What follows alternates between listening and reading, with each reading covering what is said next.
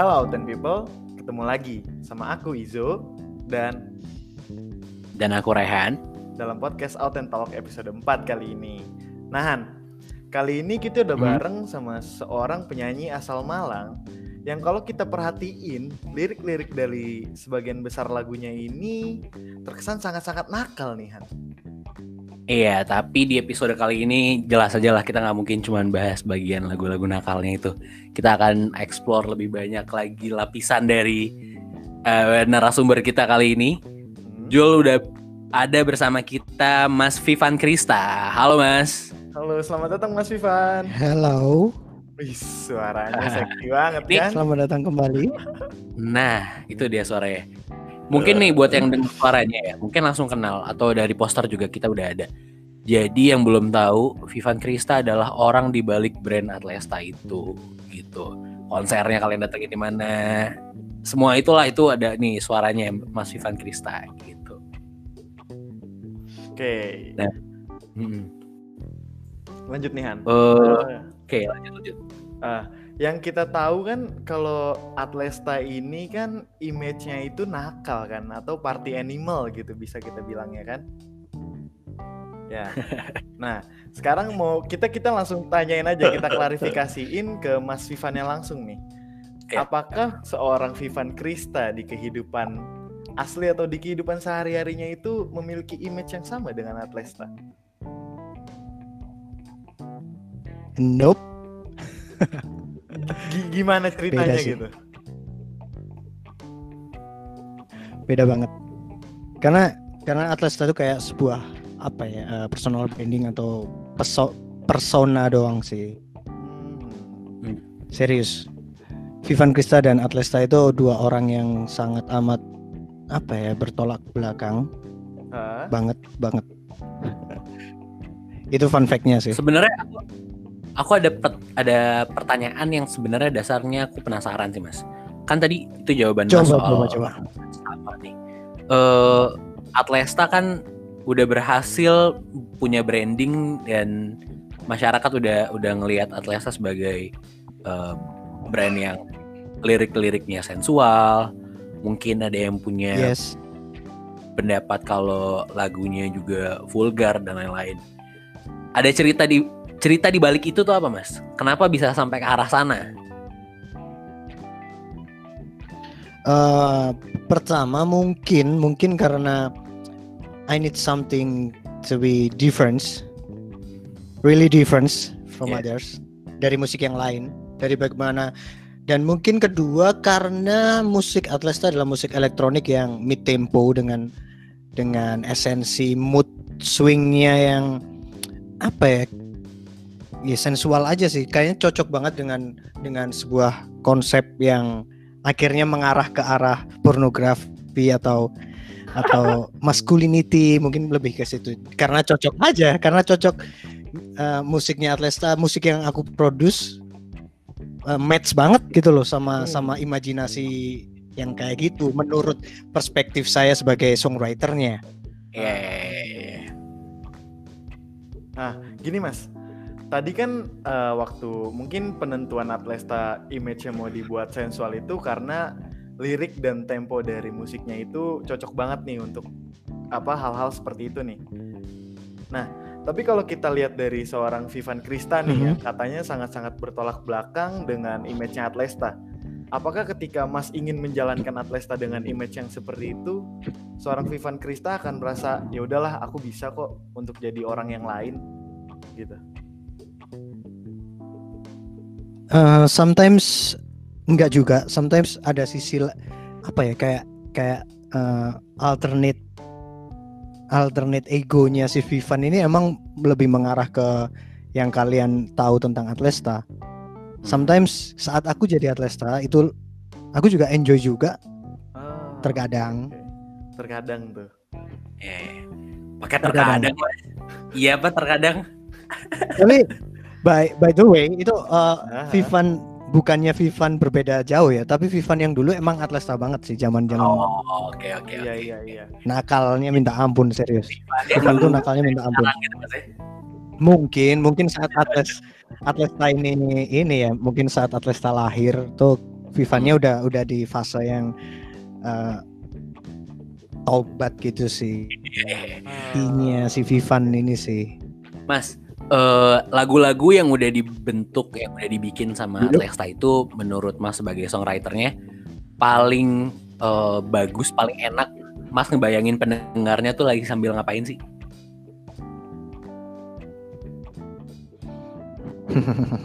Segala ketawa. Kalian tahu lah jawabannya gimana. Bisa mas, kalau kita paling cuma nebak-nebak doang dong. Kalau dari songwriternya kan valid. Kira-kira lagi ngapain? Maksudnya kan Eh, gede tapi- di gede di nightclub nih katanya, gede di party-party, lagunya dipakai kayak gitu. Apakah emang ke sana arahnya atau ngebayanginnya pendengar nih lagi ngapain sih pas dengerin lagu? Eh, setiap setiap karya yang aku bikin kayaknya punya perspektif kayak kayak yang lu bilang kayak beda-beda sih menurutku dari album Sensation albumku yang kedua Sensation itu lebih ke partinya eh, liarnya wild young. Mhm. terus mungkin itu yang ditampilin beauty-nya dari album Sensation. Tapi di album Gestures lebih mungkin album Gestures ini lebih eh, fase dewasa dewasanya itu banget. Jadi di album Gestures mungkin party udah udah hilang. Hmm. Eh, seksual tetap ada sih tapi di album Gestures kayak pure fantasy calling itu masih ada sih. Cuman di album Gestures bener-bener lebih apa ya lebih intens kayaknya lebih intens lebih personal sih yang bener album Gestures tuh lebih personal tentang akunya sendiri tentang aku bicarain depresiku anxiety tentang banyak banget metafora yang dark banget sih menurutku di liriknya album Gestures. Kalau kalian denger kalau kalian baca liriknya sampai detail banget tuh kayak gila sih. Itu metaforanya kayak bunuh diri bla bla bla. Malah malah ke situ arahnya yang album Gestures Hmm, Oke, Eh, Mas, bisa nulis hal sedalam itu lagu dengan genre dan eh, apa ya target pendengar yang kayak tadi. Musik genre apa sama musisi musisinya siapa sih yang Mas dengerin yang pa- paling berpengaruh ke karya-karyanya Mas kira-kira? Kebanyakan kalau Indonesia Indonesia mungkin Krisya Krisya tuh lagunya seksual banget loh serius Iya iya iya iya. iya. serius serius balad balad popnya si Krisya tuh menurutku kalau Indonesia ya itu Krisya sih yang yang eh, apa ya Stanley Stanley-nya Vivan lah Stanley Vivan, oke. Iya, kalau luar eh, luar Indonesia banyak banget sih, banyak James Blake mungkin banyak sih kalau luar negeri. Hmm. Mulai main musik tuh dari umur berapa Mas? Dari SMP, SMP itu aku umur berapa ya? Hmm, lima, 16, 15 lah. Eh SMP kok segitu sih? SMP apa? 13 ya? 12 12 lah kali ya 12 13 nggak sih segituan lah ya Jul Ya, 13, 14. Oh 12 iya ya. Nah, 12 12. gini gini Mas. Tadi katanya kan eh, mulai bermusik itu SMP ya. Kenapa akhirnya Mas jadi milih musik gitu? Iya. Padahal yang kita tahu kan kalau anak-anak seusia SMP Sebenarnya, SMA biasanya eh, milihnya olahraga mungkin, kan eh, pen- bermusik. Pencarian pencarian hmm, jati dirinya itu kenapa kenapa Eh, putus-putus? Ah, Oke ulang. Eh, kenapa akhirnya memilih bermusik gitu waktu SMP? Padahal yang kita tahu umumnya anak-anak SMP itu cenderung lebih ke memilihnya itu olahraga gitu karena kan olahraga itu pasti digandrungi sama lawan Oh. jenis kan, kayak gitu.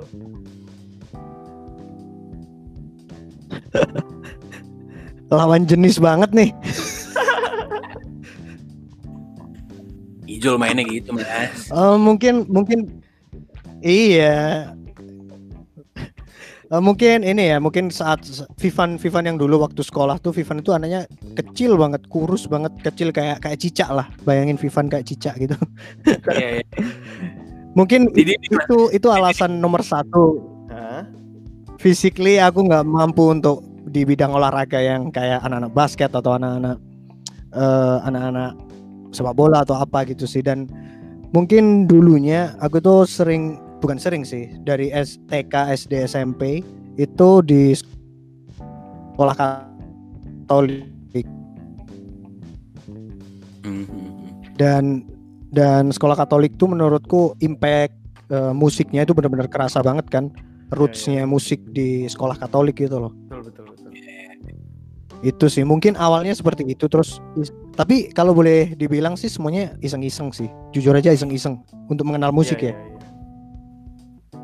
pure iseng-iseng dari iseng-iseng akhirnya nggak Ah, nyangka aku Oke oke. Terus setelah itu hal apa yang membuat Mas makin yakin untuk ya udahlah gue di musik aja nih kayak gitu. Kayaknya gue bisa hidup deh dari musik. saat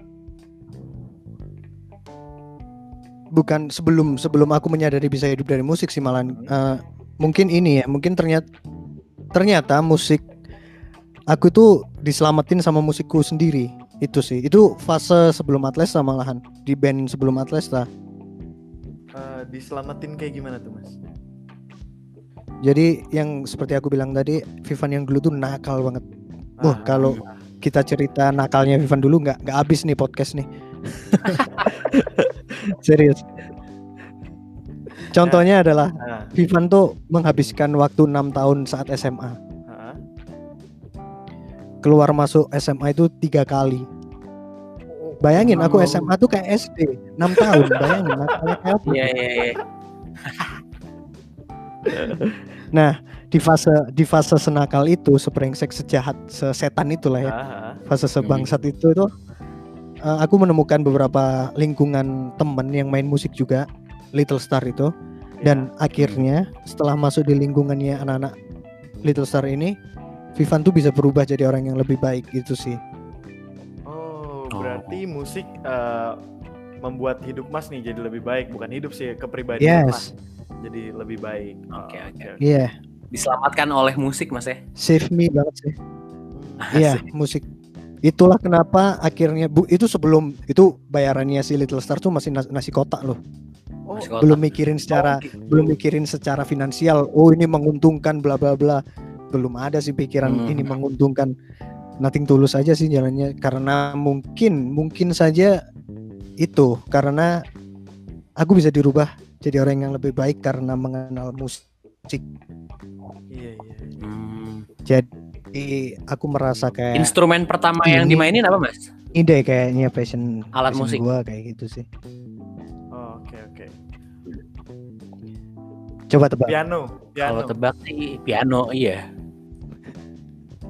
Betul kan? salah. Oh gitar. Oh iya, serius gitar?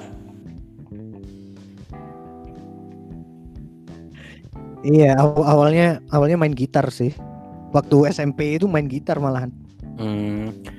Pasti karena ya cowok yang main gitar banyak cewek yang suka lah ya. Karena megangnya gitar. Itu nggak sih tujuannya? Not for me, not not not for me. Enggak ya. Terus tujuannya apa tuh? Kenapa belajarnya dari gitar dulu? Apakah kewajiban waktu sekolah atau gimana? Atau orang tua main gitar juga mungkin? Hmm, kalau gitar tuh nope, eh, aku orang pertama di silsilah keluarga aku yang beneran masuk seni. Hmm. By the way. Iya, iya. Hmm. Kalau gitar tuh awalnya teman-teman sekampung sih yang ngajarin main gitar. Gitar gitar akustik biasa gitu. Terus kenal keyboard tuh gara-gara emak ibu gua tuh beli keyboardnya tetangga yang butuh duit. Itu keyboard Casio. Casio yang mainan banget yang Iya. kalau volumenya ditekan tuk tuk tuk tuk tuk, tuk, kayak gitu. Casio lama banget.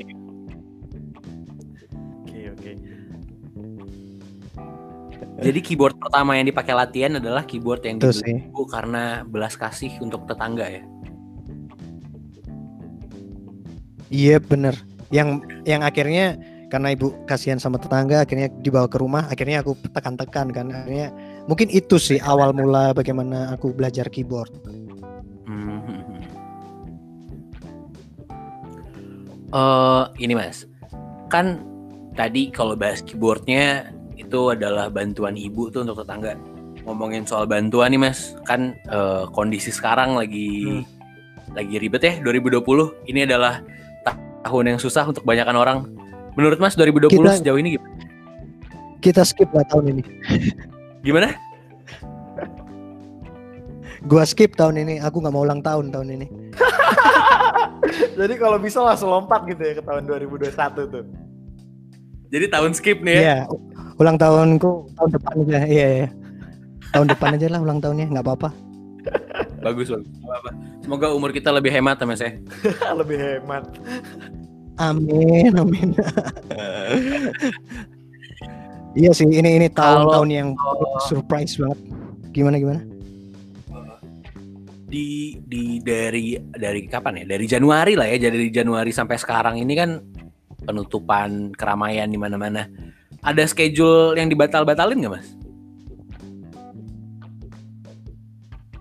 Uh banyak banyak banget banyak banget dari dari on stage sampai perilisan album sampai eh, rekaman di Jakarta ah semuanya kacau balau plan plan tahun ini boleh dibilang udah sirna semua sudah Atlesta Secret Party juga sebenarnya tahun ini tapi Mhm.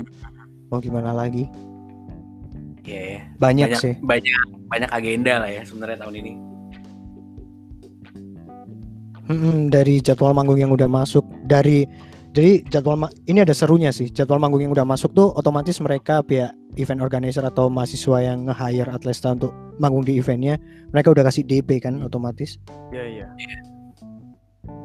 terus terus DP itu sempat kita tahan waktu itu waktu awal pandemi itu kita tahan sekitar satu minggu kalau nggak salah terus lama kelamaan tuh gue sama manajer manajerku kayak nggak enak gitu sih megang DP yang uangnya uang mereka terus kita nggak ngapa-ngapain yang berlagak di cancel gitu akhirnya di semua DP event yang udah masuk kita kembaliin 100% ke mereka Oh.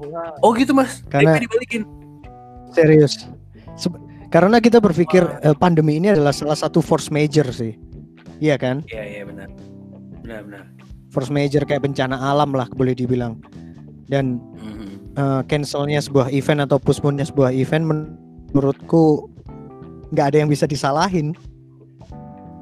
Hmm, iya sih. Bukan rencana kita Mas ya. Iya benar. Awalnya awalnya DP itu kita pegang. Lama kelamaan nih kita ngerasa juga kan krisis finansialnya. Kok nggak enak ya bawa uang orang lain kalau kita nggak kerja buat mereka gitu loh. Iya, Itu sih. Just trying to be good. Hmm, true. Setuju. Mas, aku pernah dengar juga katanya kemarin di Instagramnya, lewat Instagramnya Mas ya, kayak katanya eh, banyak apa ya, ngendorse mungkin atau ngepromosiin barang-barang tapi gratis gitu. Itu gimana? oh iya, Mas? iya. Gimana itu apanya? Maksudnya gimana, gimana itu bisa mulai? Gimana gimana mekanismenya? Oh, apa yang dipilih? oke.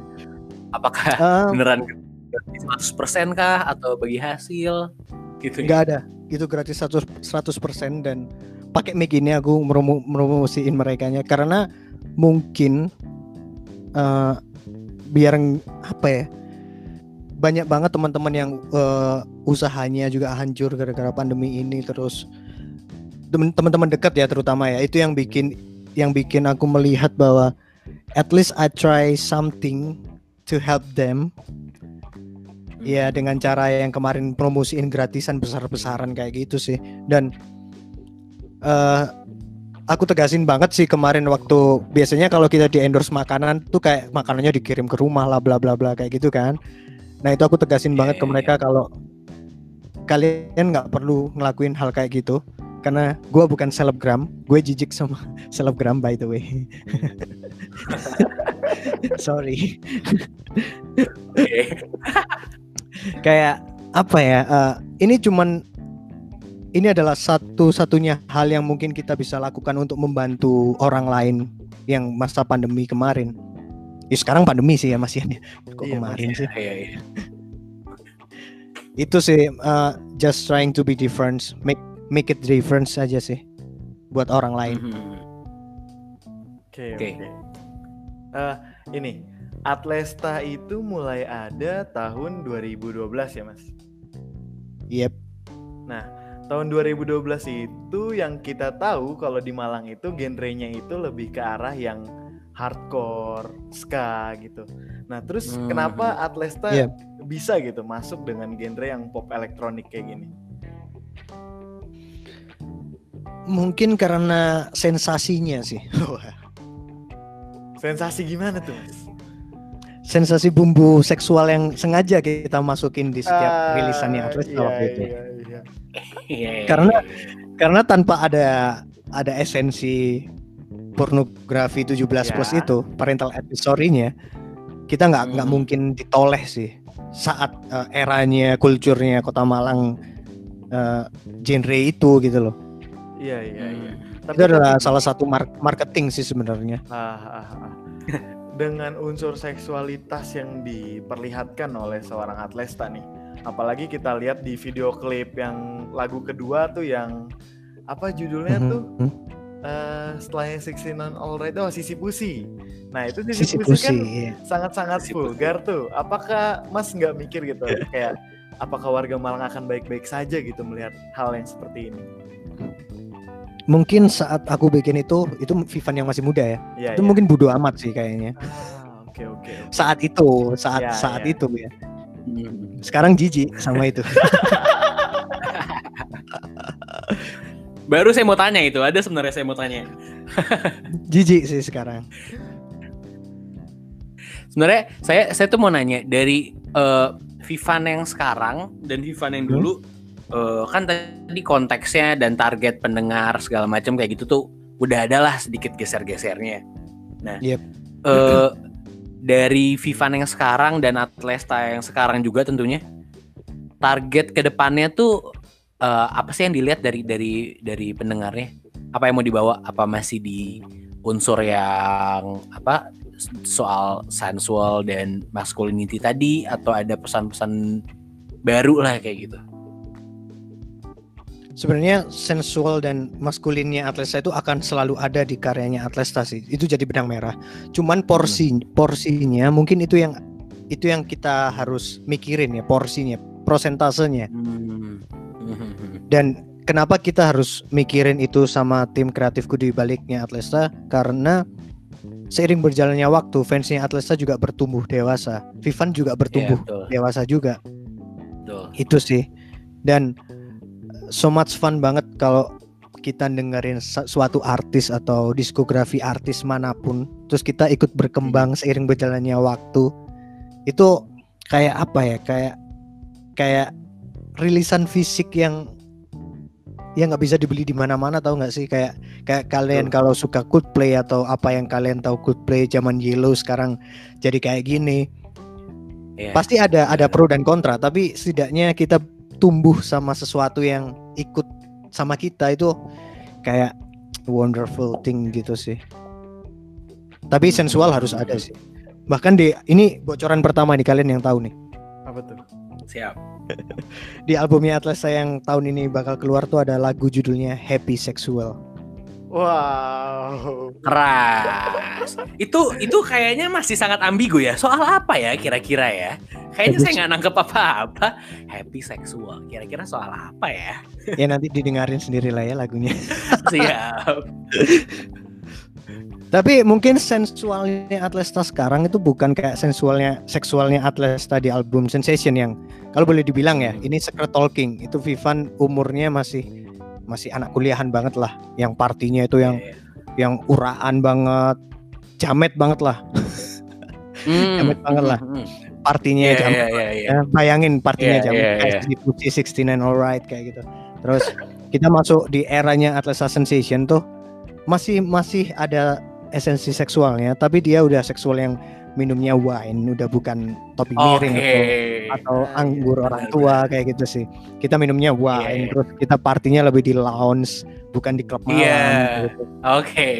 terus abis eranya sensation kita masuk ke Jesters mungkin Jesters ini Hmm. lebih ke partinya orang borjuis yang udah punya apartemen sendiri kita party sama sekelompok orang yang penting-penting banget di hidup kita di di apartemen yang full kaca melingkar kayak gitu album Jesters kayak gitu sih tapi tetap Hmm, seksinya maskulinnya akan selalu ada sih hmm, Oke, oke. hanya hanya ini ya, hanya tingkatan tingkatan coolnessnya yang bertambah Oh, Oke, Mas, nih sebenarnya eh, saya ada yang mau saya omongin. Saya Omongin saya butuh aja, validasi dari aja. saya saya butuh validasi dari Mas sih.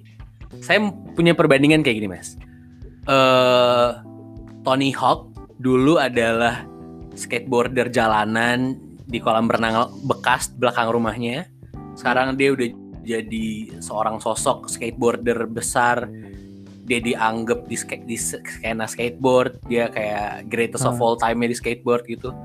Yep. Kalau diturunin lagi yang ada di sekitar kita, kayak Gofar Hilman misalkan, dia dulu adalah anak pang di gang-gang apa segala Mhm. macam.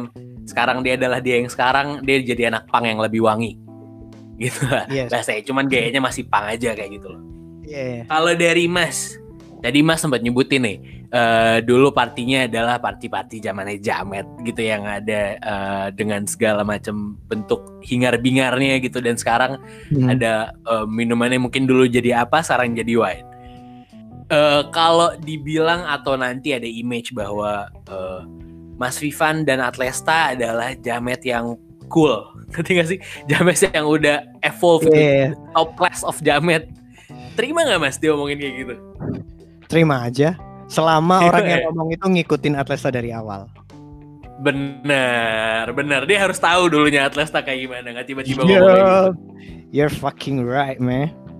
Yes, sir. Mas, ini sejujurnya dulu saya eh, di tahun pertama kuliah di semester pertama saya tuh sempat ngundang Mas ke acara saya, saya jadi panitianya. Oh iya, Dulu di mana itu? Acaranya dulu acaranya di ini eh, bioskop Klut akhir tahun Waduh, 2000, ah. 2017. banyak banget tuh main di Biskup Kelut yang mana ini? Pasti, pasti, pasti banyak lah. Nggak perlu diinget-inget mas. Pasti Oh, mas iya. banyak banget di Oke. sana. Oke. Gak apa-apa. Terus terus. Saya yang saya mau tanyain adalah eh, kan tadi banyak schedule-schedule yang ditunda apa segala macam. Setelah Hmm. pandemi ini selesai semuanya, eh tadi Mas bilang ada secret party apa segala macam. Kalau boleh milih setelah pandemi ini selesai, hal yang akan dilakukan apa dulu nih? Rilis album kah? Bikin private party atau eh, konser lagi di mana-mana? Eh, sepertinya saat pandemi ini udah membaik, itu kayaknya aku harus ke Jakarta ngelarin album untuk take vokal sih. Karena Hmm. karena eh, aku membutuhkan ini mbak teknis banget sih tapi membutuhkan sesuatu yang teknikal banget di Jakarta yang tidak bisa dilakukan di Malang atau Surabaya adanya di Jakarta gitu loh Iya iya iya. iya. untuk tik vokal sih untuk ngelarin mungkin ke pandemi ini kelar ngelarin album dulu lah karena album ini udah ya. terlalu lama sih udah terakhir rilis album 2017 2017 tiga benar. tahun Hmm, oke oke oke.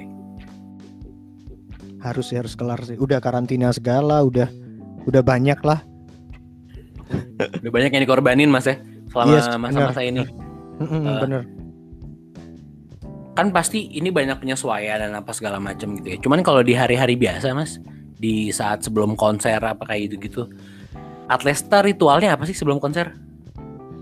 Hmm, cengengesan sih kayaknya. Ritualnya apa ya? Itu sih kayaknya kita harus bikin mood yang oke sih dengan maksudnya mood yang oke itu dari eh, timnya Atlesa sendiri ya. Mungkin cengengesan di backstage, mungkin ber- bercandaan kita tuh itu boleh dibilang di atas rata-rata manusia pada umumnya. Bercandaannya itu lebih apa ya? ngawur, ngawur. Ngawur. Bahasa Malangnya itu ngawut pol lah. Sip sip sip. mungkin itu sih mungkin dan kita tapi eh, dengan kadang kita di backstage tuh kayak eh mem- ngajakin panitia yang LO-nya Atlesta atau panitia yang ngebantu Atlesta di backstage tuh un- untuk ikut merasakan eh, experience-nya berada di timnya Atlesta. Jadi kita kita berusaha sehumble mungkin sama mereka dan bahkan banyak banget panitia yang eh, yang berada di backstage-nya Atlesta dari zaman tahun kapan sampai sekarang itu jadi temen malahan Hmm. mungkin kita seru-seruan kayak gitu sih kayak misalnya kayak manggung di Jogja di UGM tahun lalu tuh Ya. LO-nya cakep banget sih serius namanya siapa gitu cewek cakep banget anak Oh gitu. anak Jakarta dia kuliah di UGM jadi LO-nya Hmm, Atlesta terus hmm, hmm. anak-anak eh, tim krunya Atlesta tuh bikin tulisan karena alatnya ditinggal di backstage bikin tulisan. Iya. Oh, sama itu. Oh enggak, enggak enggak, enggak boleh disebut ini, sorry. Oh nggak boleh. Ya, maaf. Tapi nggak usah, kalian- nggak usah. Tapi kalian pasti tahu kalau aku sebut. Itu sama anak-anak dikasih tulisan eh, kertas gitu, terima kasih, namanya ini, terus kasih love, I love you kayak gitu. Terus bawahnya Atlesta Damage Control, itu namanya anak-anak kru. Dan itu seru banget sih kayak kayak melakukan hal-hal seperti itu. Selama si ceweknya enjoy ya, tidak ada hal iya, yang iya. merendahkan atau ngeremehin gitu sih. Eh, si LO-nya itu nganterin runner sampai ke hotel nggak? Jemput, jemput doang dia. Yang Oh nganterin- jemputnya. anterin Oh, dan by the way hotelnya itu cuman ini Ambarukmo Plaza hotelnya depannya Ambarukmo Plaza Oh oke oke oke dekat lah ya. Heeh. nyebrang doang sih cuman cuman karena jalannya macet tuh tapi by the way karena jalannya macet semua artis yang manggung di acara ini itu jalan bahkan sampai Kunto Aji Bara Suara itu jalan semua ke venue serius Oke. Jul, sebelum lanjut nih Jul, eh gue ada satu per- tadi baru disebut sama eh, Mas Vivan nama-nama artis. Ada pertanyaan yang gue penasaran adalah eh, kalau mau kolaborasi, kira-kira pengen kolaborasi sama siapa sih Mas? Indonesia ya Boleh Indonesia atau luar juga nggak masalah. Indonesia pingin banget itu sama kayaknya Nadine Hmm, Nadine. Nadine Iya, iya. Nomor dua lah tapi Nadine. Nomor satu malah temen temanku sendiri, Sal Priadi. Oh iya. Sal Priadi udah pindah ke Bintaro sekarang Mas ya kayaknya. Iya, dia udah jadi anak lu gue lah sekarang ya. Anak lu gue ya. Tapi tapi kalau ketemu aku masih masih bahasa Malangan sih. Tidak berubah apa pun. Salut sih Iya. sama sama Sal, sama Siki. Aku manggilnya Siki. Salut banget sih sama si Siki. Eh, walaupun dia sekarang gila banget populernya, full Hmm. spotlight, tapi Iya. saat ketemu teman-temannya yang dari Malang yang sama kotanya dia tetap menjadi Siki seperti yang zaman dulu, dulu kita kenal. dikenal ya. Yep. So fucking humble. Sip. Itu sih Dulu- mungkin mungkin Ziki sih yang yang nomor satu ya. Aku pengen collab ya karena Atlasa musiknya bahasa Inggris. Ziki Hmm. pintar sekali dengan sastra Indonesia. Kayaknya seru Wah, banget sih. iya benar. Iya iya iya. iya. Eh, aku aku masuk nih mas. Eh, tadi kan katanya pengen banget kolaborasi sama Sal Priadi nih. Itu baru muncul keinginan itu setelah Sal Priadi terkenal atau dari dulu udah pengen tapi emang belum sempet aja nih. Jujur aja saat udah terkenal sih. Karena Ziki itu dari dulu itu bandnya by the way bukan bukan musik yang kayak gini. Ziki itu aku kenal Ziki itu dari skena, skena punk, emo. Oh gitu. Mulainya dari Cuman- sana mas. Mm-mm, zaman SMA. Oh oke oke oke. Aku oke. kenal Ziki bukan bukan Sal Priadi yang sastranya keren banget kayak hari ini ke, karena kenalnya dia Heeh. karena kenalnya si Ziki itu ya waktu dia punya band emo apa gitu bandnya lupa aku punya band Hmm. emo itu kenalnya nah dia yang mengawal kayaknya tapi setauku dia itu emang orang yang suka sastra dari dulu cuman Hmm. tidak diaplikasikan ke something mungkin baru di Sal Hmm. Di, di eh, kemas gitu loh Oke.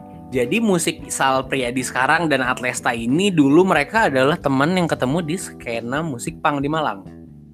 bukan pang iya boleh dibilang pang juga ya iya sih bahkan kalau kamu tahu kayak Kristabel Anora terus siapa lagi ya hmm, tahu nggak Kristabel Anora Enggak sih mas. Kurang tahu mas. Kurang Malang pianis di Malang itu juga juga aku kenalnya juga dari acara yang acara pang kayak gitu tahu. Hmm, hmm, hmm. serius serius Wah, wow ini ini gokil sih. Ini gokil sih nggak nyangka bakal sampai sini omongannya. By the way mas, eh, kalau sama Mas, Mas Ziki, atau Sal Mhm. Priadi tadi, mulai karirnya duluan siapa mas? Atau bareng-bareng? bareng-bareng sih kayaknya Bareng-bareng ya? Hah. Hmm. tapi untuk Sal Priadi eh, Sal Priadi sama Atlestanya mungkin duluan Atlesta sih tapi terkenalan Oh. dia sekarang Iya iya iya iya. Tapi gokil sih emang lagunya Ziki tuh, wah mantap sih, serius. Hmm. Aku tuh orangnya eh, apa ya, eh, kalau boleh jujur sih biasa aja biasanya dengan bahasa Indonesia. Tapi aku menyadari bahwa bahasa Indonesia itu adalah bahasa yang sangat susah. Hmm. apalagi untuk dijadiin sebuah lirik dalam sebuah struktur lagu ya. Aku Iya, kesusahan iya, iya. banget sih saat bikin lirik bahasa Indonesia karena bahasa Indonesia tuh kayak sakral banget deh. Bahasanya tuh Hmm. sakral. Kalau lu nggak nggak bener hati-hati jadinya corny, gitu, cringe gitu kan. Iya iya iya iya. Tapi kalau indah, indah beneran. Benar benar. Oh Saat- iya juga sih, benar juga. Ada lagi fun fact-nya bahasa Indonesia dan bahasa Inggris. Saat kamu bikin lagu bahasa Inggris, I love Iya. you. Ada tiga suku kata. I love you. Hmm. Kalau Iya. bahasa Indonesia, ini yang bikin susah. Kenapa bahasa Indonesia susah? Aku mencintaimu. Jadi tujuh suku kata. Iya iya iya. Iya. Itu susah banget sih. Ya, apalagi Hmm. untuk pelafalan pas nyanyi ya, Mas. Mm-mm, bener. Saat masuk nada, bahasa Inggris lebih mudah karena menurutku suku katanya itu pendek-pendek semua. Iya kayak, benar. kayak bahasa Thailand lah. Oh, iya, gitu. bentar, bentar, bentar. Ngomongin Thailand. Banyak nih banyak soal Thailand nih kayaknya Iya, nih yang bisa ditanyain ke Mas Vivan Jul. Ngomong-ngomong No, tentang Thailand. Hai. Tawa gini, hijab. gini, gini, Mas Ivan nih. Ngomong-ngomong tentang Thailand nih. Sebenarnya ada apa sih antara Mas Ivan sama Thailand ini? Iya. Simil, aku aku simil soalnya. Oh gitu. Boleh boleh lihat Mas? Waduh, ini jadi bigo-bigo live gitu ya. Sayang kita nggak live ya. iya. Enggak, enggak, enggak. Eh, coba, coba, coba, coba diceritain gitu. Ada apa sih antara Thailand dengan Mas Ivan ini? Thailand tuh tempat lahirnya Atlesta nomor satu. Ah, Oke. Oh gitu. Mm-mm. Ah. Terus Thailand tuh tem- negara yang eh Bangkok ya, terutama Bangkok ya, bukan Thailand ya, Bangkok aja. Bangkok tuh kota yang mengajarkan Vivan itu untuk mandiri di atas kakinya sendiri. Hmm, Oke, oke. Hmm. Aku eh, boleh dibilang saat itu kerja dengan income yang oke banget itu saat di Bangkok. Dan itu pertama kali di hidupku. Pertama kali kerja dengan income yang paten terus Hmm. eh, pertama kali ke luar negeri Bangkok. Pertama kali berhubungan dengan orang banyak Bangkok. Iya, iya, iya. Hmm. Eh, gini, tadi kan katanya di Bangkok itu Mas Ivan itu udah kerja dengan income yang eh, ges- yang besar gitu atau paten lah katanya tadi. Iya. Kenapa akhirnya memutuskan untuk meninggalkan pekerjaan yang salary-nya udah oke, terus akhirnya cabutlah ya udah bikin band aja kayak gitu. Karena apa ya? Hidup tuh cuman cuman sekali sih kayaknya. Harus ada sesuatu yang jadi desire tentang kita ngejar mimpi kita sih sebenarnya. Bukan tentang angka sih kalau ngomongin ini. Ini tentang desire-nya, tentang passion, Benar-benar. tentang hati sih. Karena aku berpikir ya hi- hidup cuman sekali. Harus ada yang dikejar dan hmm, ya itu sih. Dan alasan kedua karena homesick sih. Oh, oke oke. Kalau Indonesia boleh tahu Mas, kerjaannya apa di Bangkok waktu itu Mas?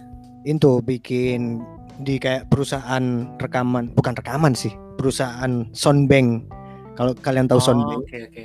jadi Iya, kita iya, tahu, nyediain tahu, tahu. nyediain beberapa sound effects tentang Iya iya iya iya. iya. kereta api di mana tentang hujan tentang yang kita rekam di jalan kita nyediain itu dan itu diperjualbelikan di sebuah website Iya, kita iya, yang iya, iya. menyediakan platform itu Hmm. untungnya kerja di sana itu sama orang Eropa US jadi nggak perlu belajar bahasa Thailand yang banget lah Wah.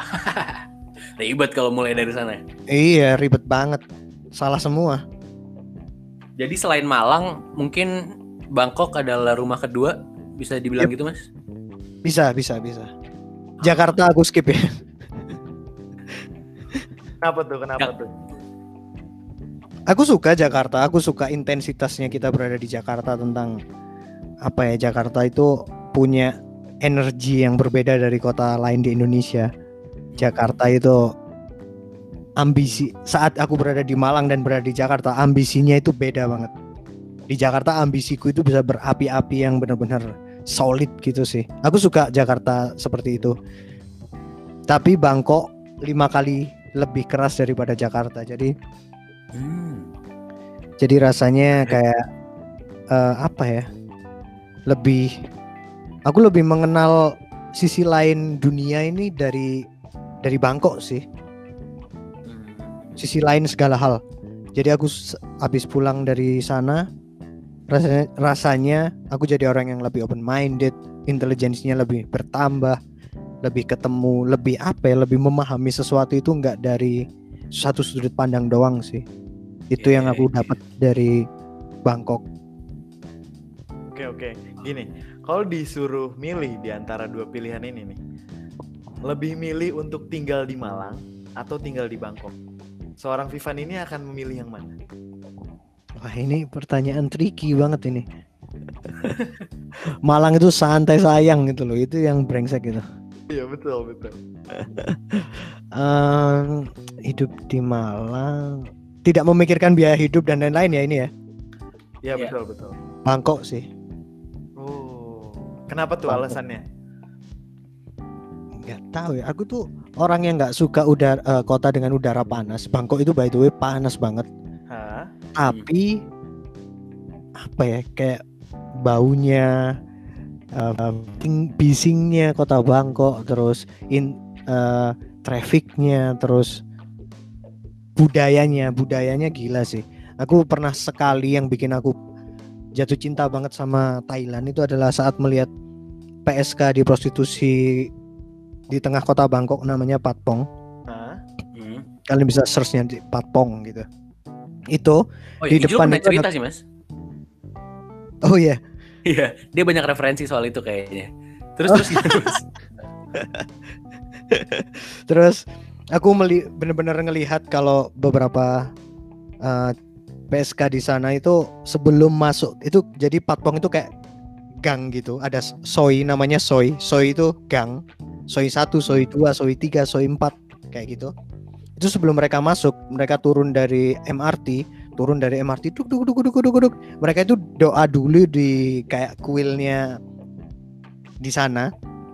Mereka itu doa dulu, jongkok doa sambil nganu dupa terus nancepin dupanya terus masuk kerja jadi PSK kayak gitu sih itu yang benar-benar bikin wow ini experience baru dan dan serius cara pandangku tentang uh, prostitusi langsung berubah saat itu prostitusi apa ya kayak ada sisi beauty-nya dari prostitusi di sana gitu loh bahwa semua orang di sana itu menyamaratakan bahkan PSK sekalipun gitu mereka tetap manusia Iya iya iya. benar.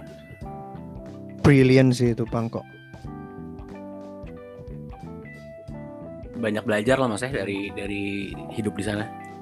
banget banget banget Mas, sebenarnya Mas, selain pertanyaan-pertanyaan dari aku sama Ijul, banyak banget sebenarnya kita udah ngumpulin beberapa pertanyaan yang ada di eh, Instagramnya Alten Max tadi siang.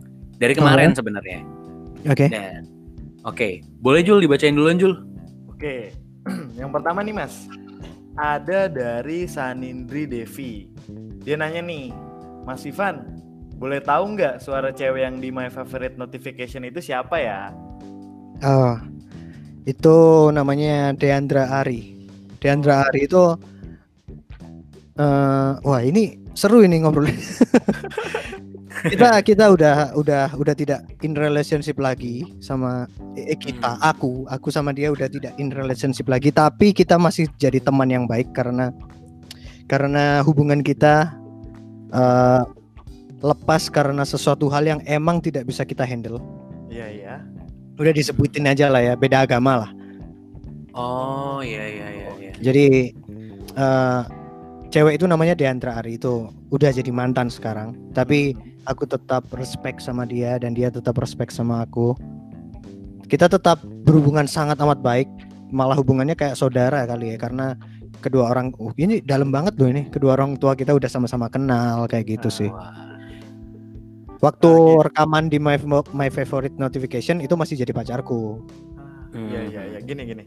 Aku mau nanya nih, kan sekarang udah nggak bareng lagi nih, udah nggak sama-sama. Mhm. Nah. yes Ketika suatu saat My Favorite Notification itu ke setel, perasaannya Mas itu gimana?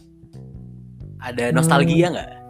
ada lah pasti tapi untuk positive vibe mungkin ya positive Iya, vibe bukan yang apa ya di umurku yang segini tuh melihat cinta dan relationship itu udah bukan yang maksudnya putus terus di blok atau apa mute atau apa gitu enggak sih.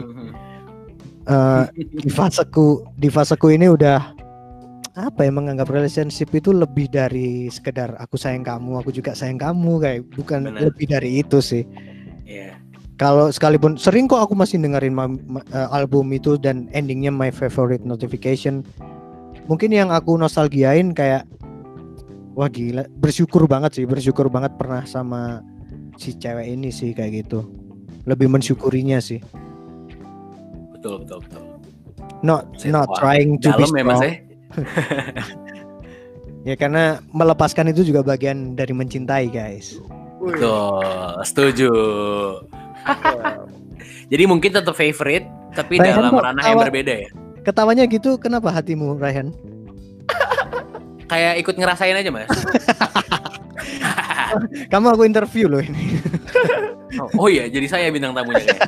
Oke, mas, ada satu eh, lanjut nih pertanyaan selanjutnya. Yoi. Ini sayang kalau nggak saya tanyain. Dari Danis Wara Mega.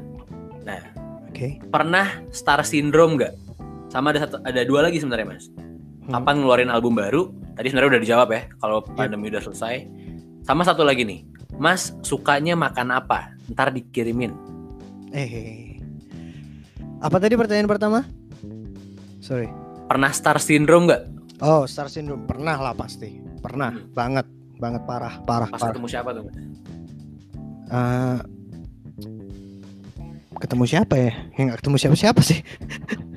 star syndrome Atau gimana tuh? Posisi situasi star syndrome-nya gimana?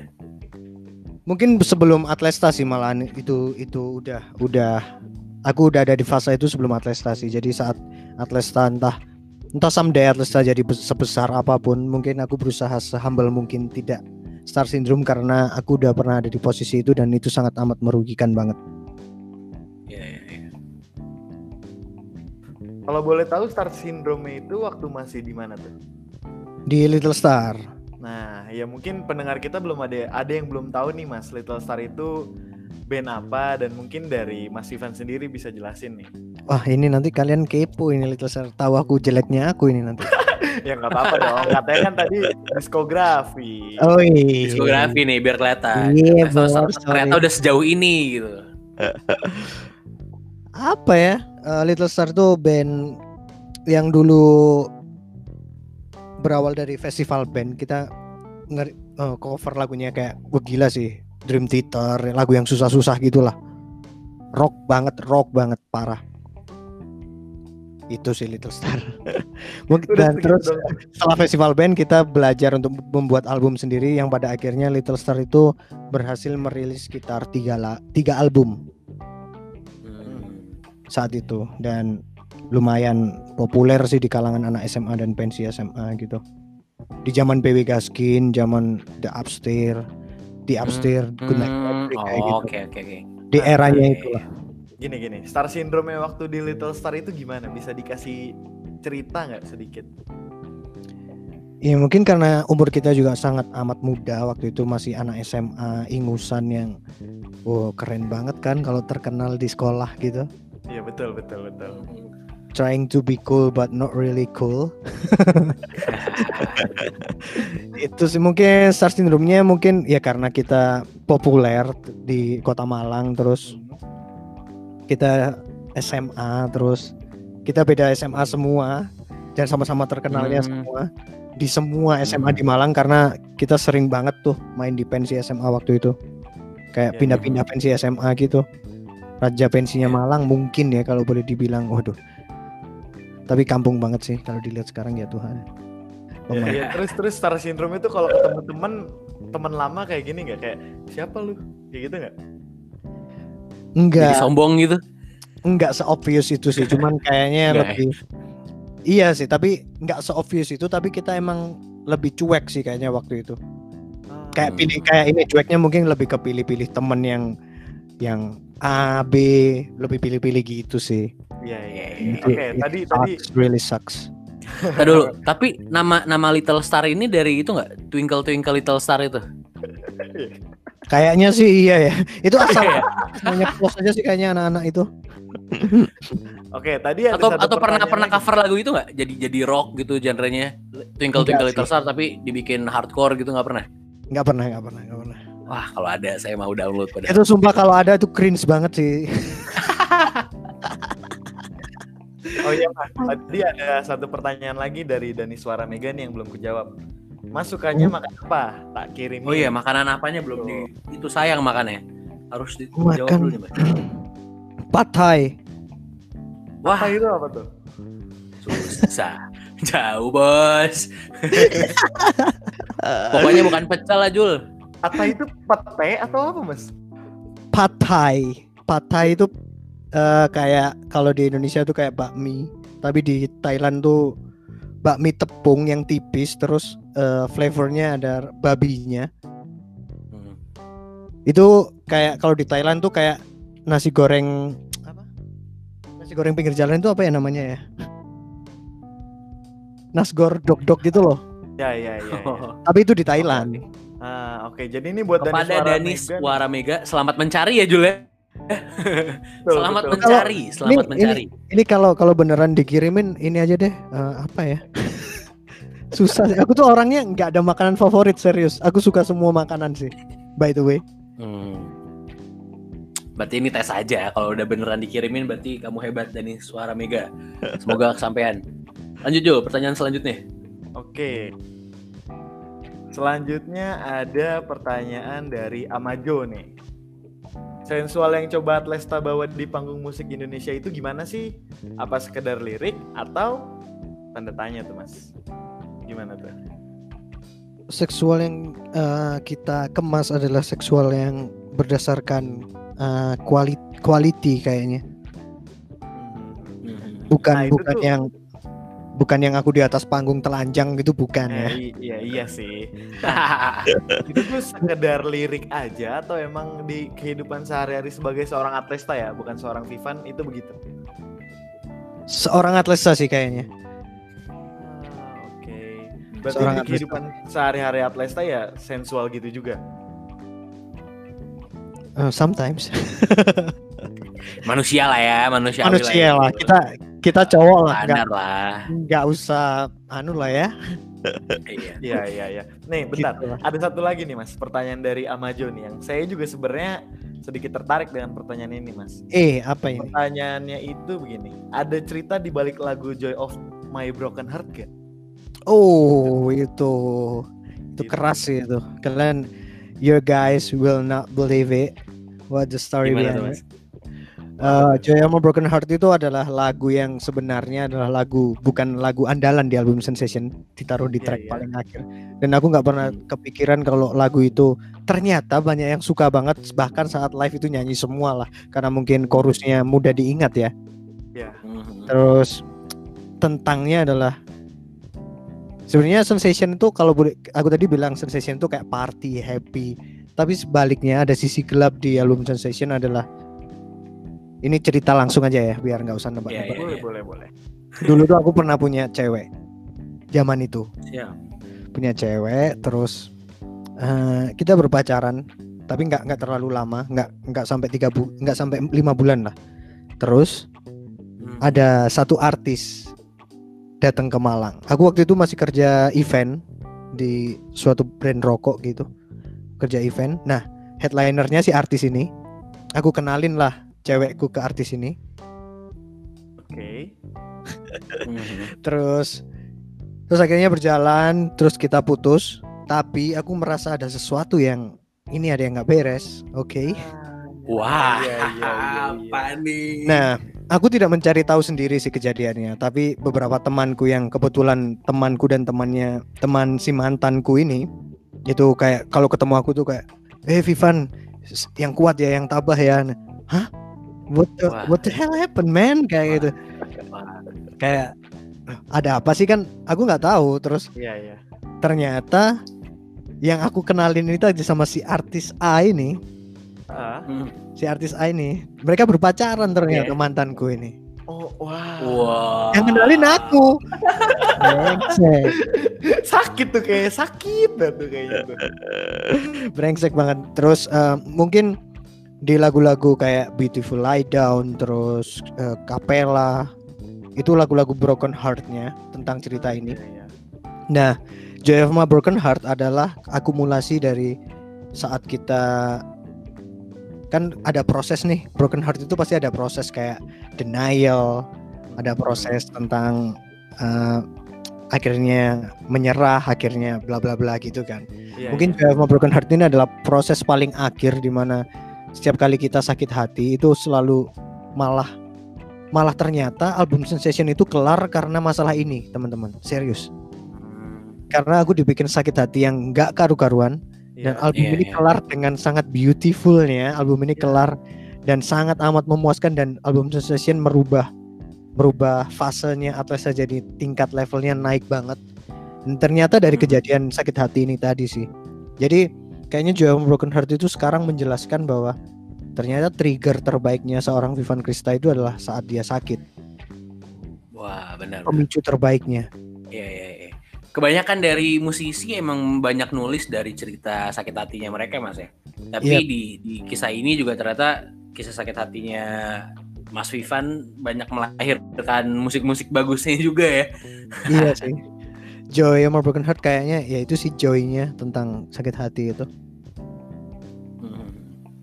Oke, pertanyaan terakhir kali Mas ya. Dari Nailulha underscore. Kenal kan nih Mas? Kayaknya kenal deh. Ingat gak nih siapa? Mas Ivan kayak kenal Nailulha underscore. Pertanyaannya satu Oh. aja sih. nah ini ya iya, masa masa lupa. Oh, iya. Baru juga kan. iya iya Iya. iya iya iya iya Ini pertanyaannya satu aja yang saya pilih. Puncak setinggi apa yang ingin dicapai bareng Atlesta? Nah, Eh, Jadi ini targetnya apa deh gitu? Misalkan kalau saya juga mau nanya konser, misalkan targetnya pengen konser di mana, misalkan atau apa deh targetnya mas Serius? dengan Atlesta? target yang akan aku bicarain ini tentang Atlesa kalian nggak akan pernah terlintas di pikiran kalian serius. Gimana tuh mas? Dari dulu dari awal Atlesta ada, aku selalu bilang ke karena Atlesta ini mun- eh, lahir selain karena akunya, tapi banyak banget teman-teman yang bantuin Atlesta. Dari kalau kalian tahu Unda-Undi, Iya iya Unda-Undi, terus mungkin Koldiak, Iya. ya. terus eh, apa lagi ya? Eh, Mary Marigold itu baru 2017, si Melody itu jadi keyboardisku. Banyak banget. Jadi Atlesta ini istilahnya kayak ini ya. Nggak mungkin Vivan Krista ini bikin Atlesta sendiri. Pasti ada orang-orang terbaiknya di belakang Atlesta itu termasuk nama-nama yang aku sebut itu tadi. Nah.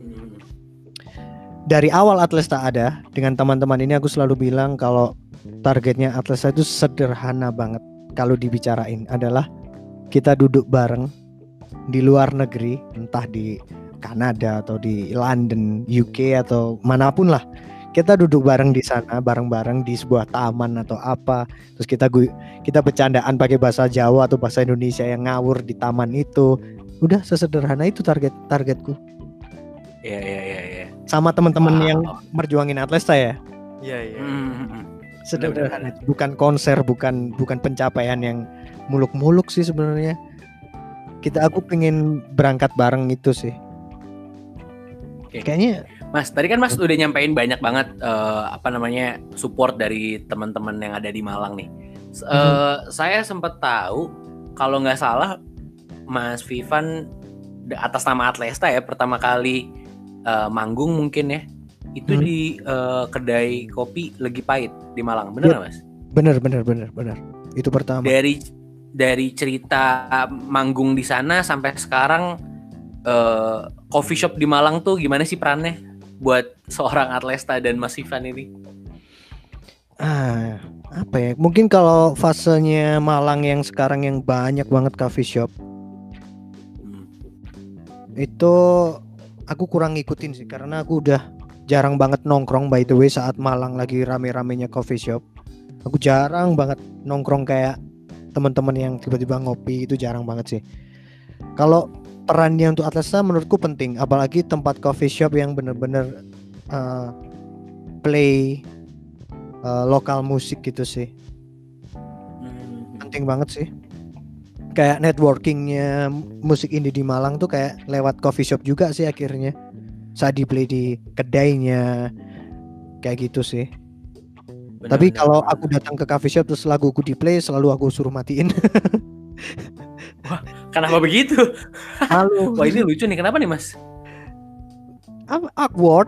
Awkward banget sih nggak nggak asik sih dan itu teman eh, timku di Atlesta tahu semua sih teman-temanku teman-teman dekat pasti tahu itu sih Vivan itu paling nggak suka kalau lagunya di play di sebuah cafe saat ada Vivan di situ pasti suruh matiin sama anak-anak karena pasti langsung bad mood dah serius Iya iya, bener.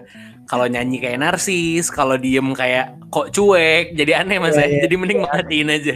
iya bahkan kadang aku nyamperin ke pernah tuh eh, beberapa kali nyamperin langsung ke kasirnya kayak mbak Hah? ini sih lagunya boleh diganti nggak terus mbaknya kayak oh iya mas iya mas sambil ketawa bingung gitu nggak enak sih eh, nongkrong maksudku aku nongkrong tuh butuhnya chill santai terus dengerin lagunya sendiri au kayak gimana gitu Oh, oke oke oke.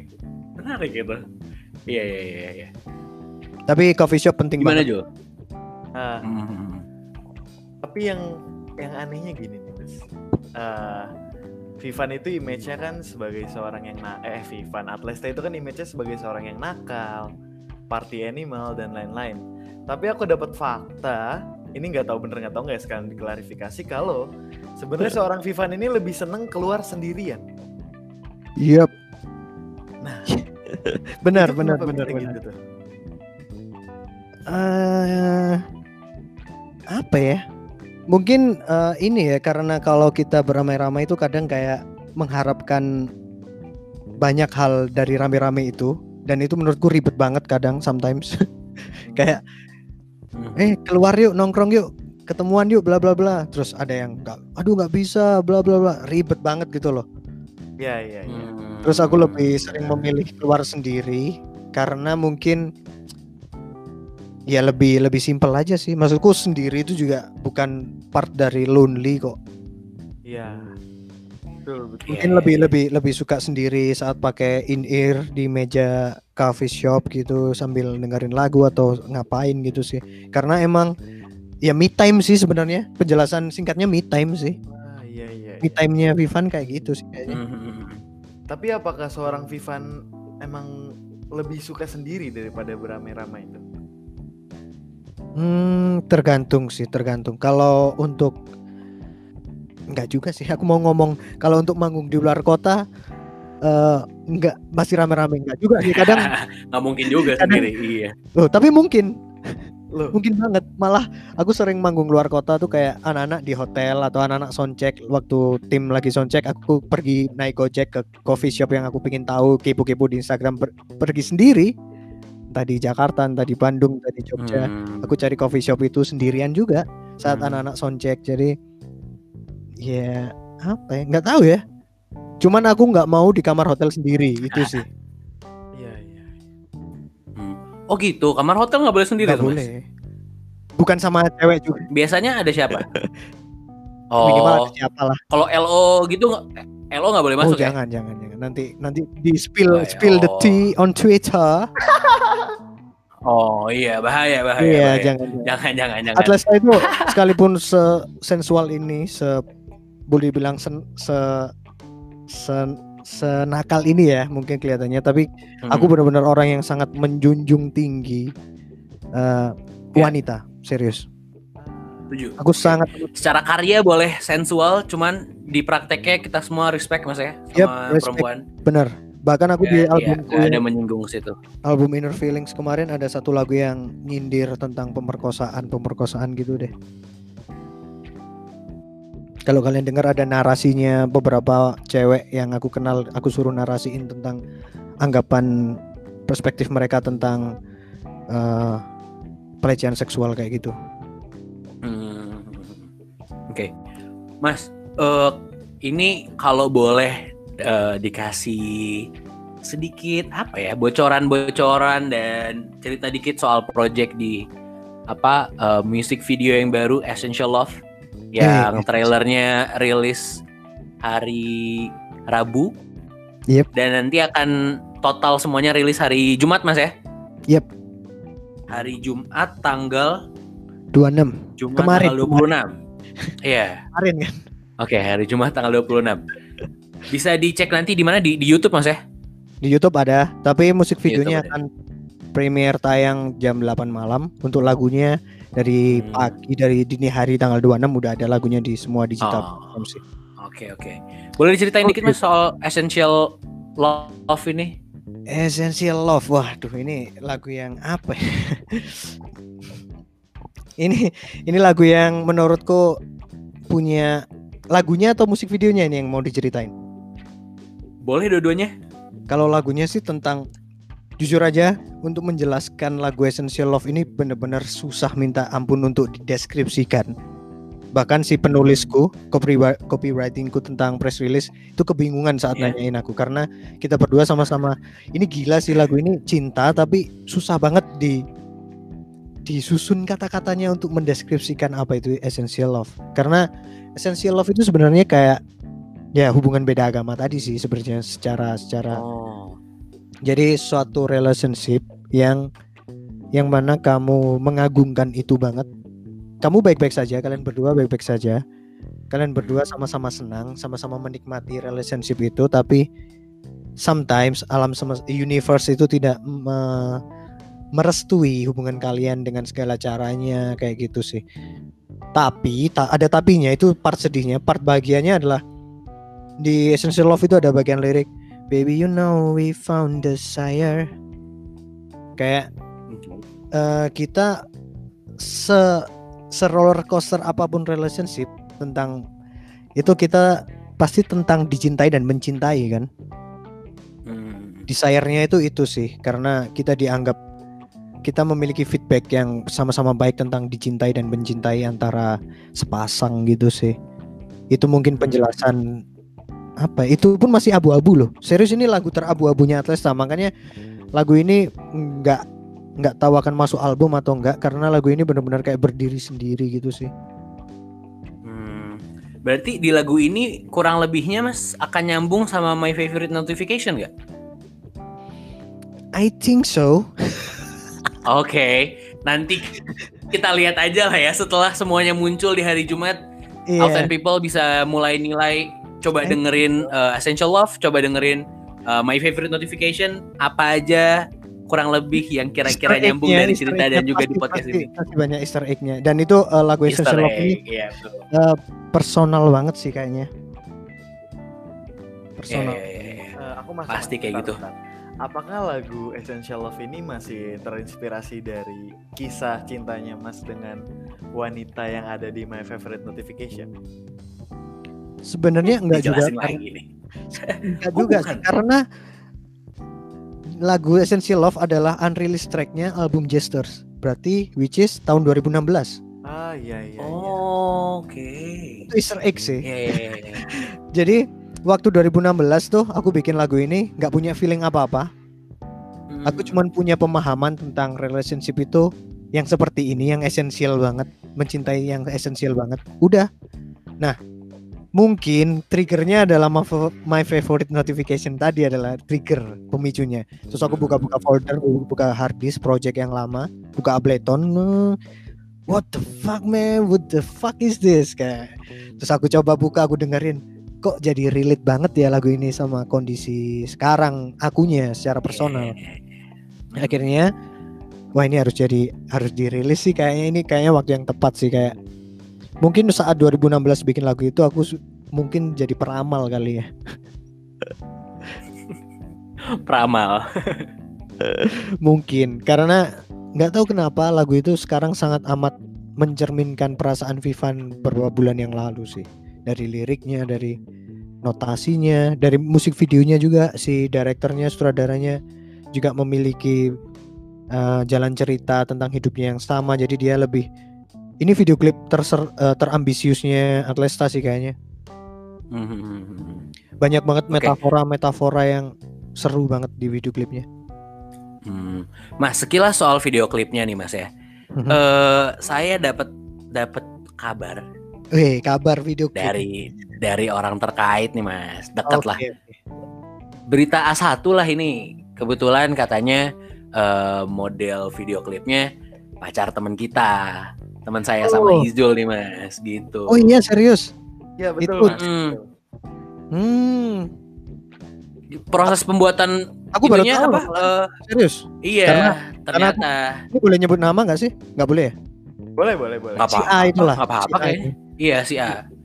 Si Alia. Inisialnya AYL ya. Oh, Ah, iya. Inisial itu. Aku ngomong, brengsek. Oh, Masih pada Telat, ngomong. AYL ya, AYL, AYL. Oke, AYL. iya, iya. Karena AYL. kenal, kenal si A ini, si cewek Hmm. ini Amin satu hari hari syuting, ya Amin satu ya. Hmm. Ada ada Wah. salah satu tim produksinya sih di kamarku ini. Amin Hmm. satu baru kenal, baru tahu, baru kenal dan mendadak banget dan video klip ini boleh dibilang semuanya serba mendadak. Hmm. Oh iya itu pacar gimana gimana tadi pacar? Pacarnya teman kita. Oh pacar teman kalian. Iya. Iya. Gitu. Tahu nggak apa? Tahu nggak pacarnya si A ini diajak Atlesta syuting? Oh, tahu tahu tahu. Oh, Tahu. Dan yang aku- ngasih tahu saya pak si pacarnya ini si teman kita. Si cowok. Oh, si- dan Oh. dan aku pun baru notice tadi loh kan eh, jam 6 Mas Vivan tuh live Instagram ya. Iya benar. Nah, tadi pas lagi ngebahas video klip pas ngeliatin ceweknya kok kok kayak pernah lihat gitu. Dan ternyata pas nanya ke si Raffi, dia ngasih eh ke Rehan, dia ngasih tahu kalau ternyata emang bener. Video klip Oh, itu pacarnya teman kita. Gitu. Oh Wah. gitu.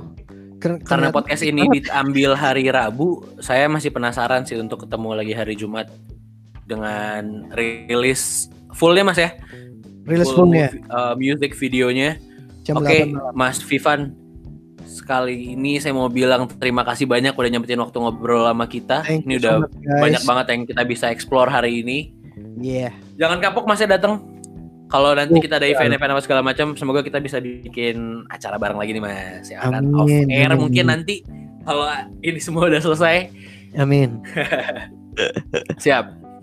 Oke. Eh, terima kasih juga Out 10 People yang udah dengerin episode kali ini. Eh, aku Raffi Raihan. Dan aku Izo.